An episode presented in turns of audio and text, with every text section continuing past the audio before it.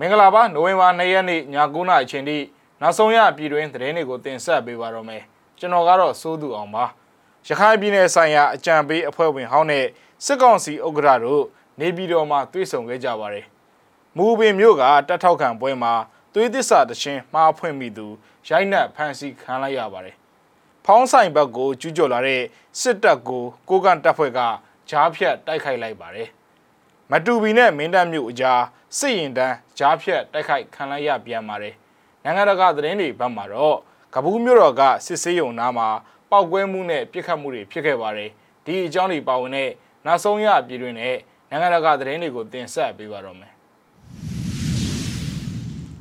ရခိုင်ပြည်နယ်ဆိုင်ရာအကြံပေးအဖွဲ့ဝင်ဟောင်းမစ္စတာဘီရစ်ချတ်ဆန်နဲ့အာနာသိန်းစစ်အုပ်စုခေါင်းဆောင်မင်းအောင်လှိုင်တို့နိုဝင်ဘာ2ရက်နေ့မနက်ပိုင်းနေပြည်တော်မှာရှိတဲ့ တန်တမန်ဆောင်အခမ်းအနားမှာတွေ့ဆုံခဲ့ကြတယ်လို့စစ်ကောင်စီကသတင်းထုတ်ပြန်ပါတယ်မစ္စတာဘီရစ်ချတ်ဆန်ဟာအမေရိကန်နိုင်ငံနယူးမက္ကဆီကိုပြည်နယ်အုပ်ချုပ်ရေးမှူးဟောင်းနဲ့အမေရိကန်ပြည်ထောင်စုဆိုင်ရာကုလသမဂ္ဂဆိုင်ရာတန်တမန်ဟောင်းလည်းဖြစ်ပါတယ်တွေ့ဆုံကြရမှာ COVID-19 ထိန်းချုပ်ရေးကာကွယ်ဆေးထိုးနှံပေးရေးတွေနဲ့အမေရိကန်နိုင်ငံကနေကိုဗစ်ကာကွယ်ဆေးကူညီပေးနိုင်မယ့်အခြေအနေတွေကိုဆွေးနွေးခဲ့ကြတယ်လို့စစ်ကောင်စီကသတင်းထုတ်ပြန်ခဲ့တာပါ ဒါပေမဲ့လက်ရှိနိုင်ငံရေးအခြေအနေတွေကိုဆွေးနွေးခဲ့ကြတာရှိမရှိနဲ့မစ္စတာဘီရစ်ချတ်ဆန်အနေနဲ့ဘယ်လိုအကြောင်းအရာတွေကိုပြောဆိုခဲ့တယ်ဆိုတဲ့အသေးစိတ်ကိုတော့ထည့်သွင်းရေးသားခဲ့တာမရှိပါဘူး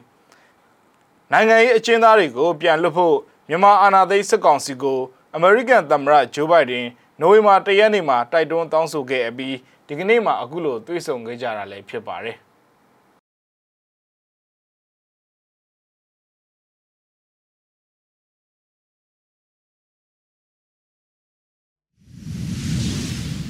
ဖောင်းဆိုင်နဲ့မုံကိုကြားမှာရှိတဲ့ကွမ်တာနယ်မြေကိုကျူးကျော်လာတဲ့စစ်ကောင်စီတပ်တွေကိုနိုဝင်ဘာ2ရက်နေ့မနက်ပိုင်းမှာကိုကန်တက် MNDAA ကဟန်တာတိုက်ခိုက်ခဲ့ကြောင်းဒဲကိုကန်သတင်းမှာရေးသားဖော်ပြပါရယ်အဆိုပါတိုက်ပွဲမှာစစ်ကောင်စီရင်ကိုအောင်မြင်စွာဖျက်ဆီးနိုင်ခဲ့ကြောင်းကိုလည်းဖော်ပြထားပါတယ်ဗီဒီယိုဖိုင်ကိုလည်းကြည့်လိုက်ရအောင်ပါ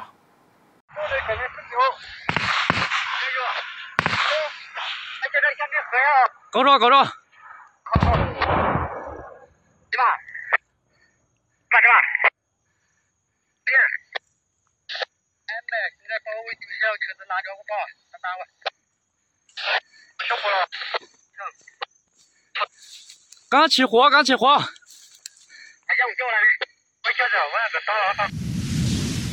AR တိုင်းဒေသကြီးမအုပ်ပင်မြို့မှာနိုဝင်ဘာ2ရက်နေ့မနက်ပိုင်းကပြုလုပ်တဲ့တမတော်ထောက်ခံပွဲမှာတွေးသစ္စာသချင်းမှားဖွင့်ခဲ့တဲ့အမျိုးသားကိုအာနာသိန်းစစ်ကောင်စီတပ်သားတွေက ရိုက်နှက်ဖမ်းဆီးသွားတယ်လို့သိရပါတယ်။တပ်ထောက်ခံပွဲလုပ်ဖို့ကားကိုအသင်းအရမချွဲဆွဲလာပြီးကားပေါ်ကိုဘောက်တင်တချင်းဖွင့်ခိုင်းရမှာတချင်းမှားဖွင့်ပြီလို့လူရောကားပါရိုက်နှက်ဖမ်းဆီးသွားတာလို့ဒေသခံတွေကပြောပါတယ်။တပ်ထောက်ခံပွဲတချင်းမှားဖွင့်လို့ဖမ်းဆီးခံရသူဟာမူပင်မြို့မြို့သစ်နှစ်လမ်းမှာနေထိုင်တဲ့ညီညီဆိုသူဖြစ်တယ်လို့ဆိုပါတယ်။အသေးစိတ်အချက်အလက်တွေကိုတော့ထပ်မံစုံစမ်းနေပါတယ်။ ချင်းပြည်နယ်မတူပီမြို့ကနေပြန်ပြီးတော့ဆင်းလာတဲ့စစ်ကောင်စီရင်နှက်ဟာမတူပီမြို့နဲ့မင်းတပ်မြို့အကြားလမ်းပိုင်းတနေရာမှာတိုက်ခိုက်ခံရပြီးရင်တန်းမှာပါဝင်လာတဲ့ JCB အမတ်တစိတ်မြေတူးကားတစ်စီးမီးလောင်ပျက်စီးသွားတယ်လို့သတင်းအရင်းမြစ်ကပြောပါတယ်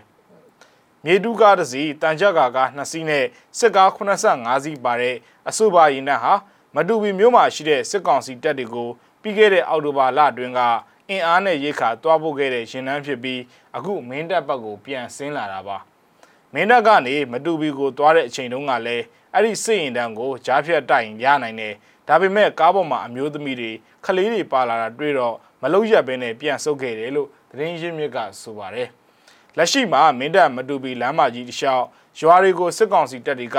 အဝေးကနေလက်နက်ကြီးတွေနဲ့ပစ်ခတ်လို့စစ်ရင်တန်းဆင်းလာနေကြောင်းဒေသခံကပြောပါတယ် စစ်ကောင်စီတပ်တွေဟာလမ်းကြောင်းတစ်လျှောက်မှာရှိတဲ့ရွာတွေနေအိမ်တွေပေါ်မှာညအိပ်ကြတဲ့အခါအဲ့ယာတွေပေါ်မှာမစင်အညစ်ကြီးတွေလည်းစွန့်ပစ်ခဲ့ကြတယ်လို့ဒေသခံတွေကပြောပါတယ်ခင်ဗျရှမ်းပြည်နယ်တောင်ပိုင်းဖဲခုံမြို့အနောက်မြောက်ဘက်မှာအကြံဘက်စစ်ကောင်စီတပ်ကအင်အား900လောက်နဲ့နိုဝင်ဘာ2ရက်နေ့မှာထိုးစစ်ဆင်လာတဲ့အတွက်လွဲလုံးကြီးရွာလွယ်ဟွဲကြီးရွာရှိတောင်သူတွေထွက်ပြေးသိမ်းရှောင်နေကြရပါတယ်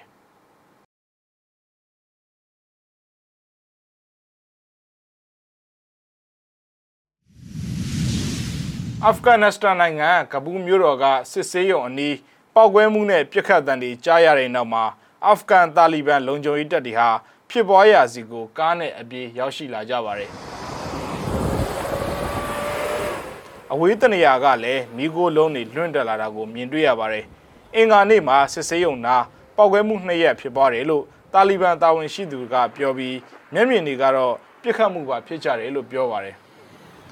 စေးရုံထဲမှာကျွန်တော်ရှိနေတာပထမစစ်စေးဂိတ်ကနေပောက်ကွဲတန်ကြီးကြားလိုက်တယ်ကျွန်တော်တို့ကိုဘေးကင်းတဲ့အခန်းစီသွားကြဖို့ပြောတယ်နောက်တော့တနတ်တန်ဒီပါကြားတာပဲလို့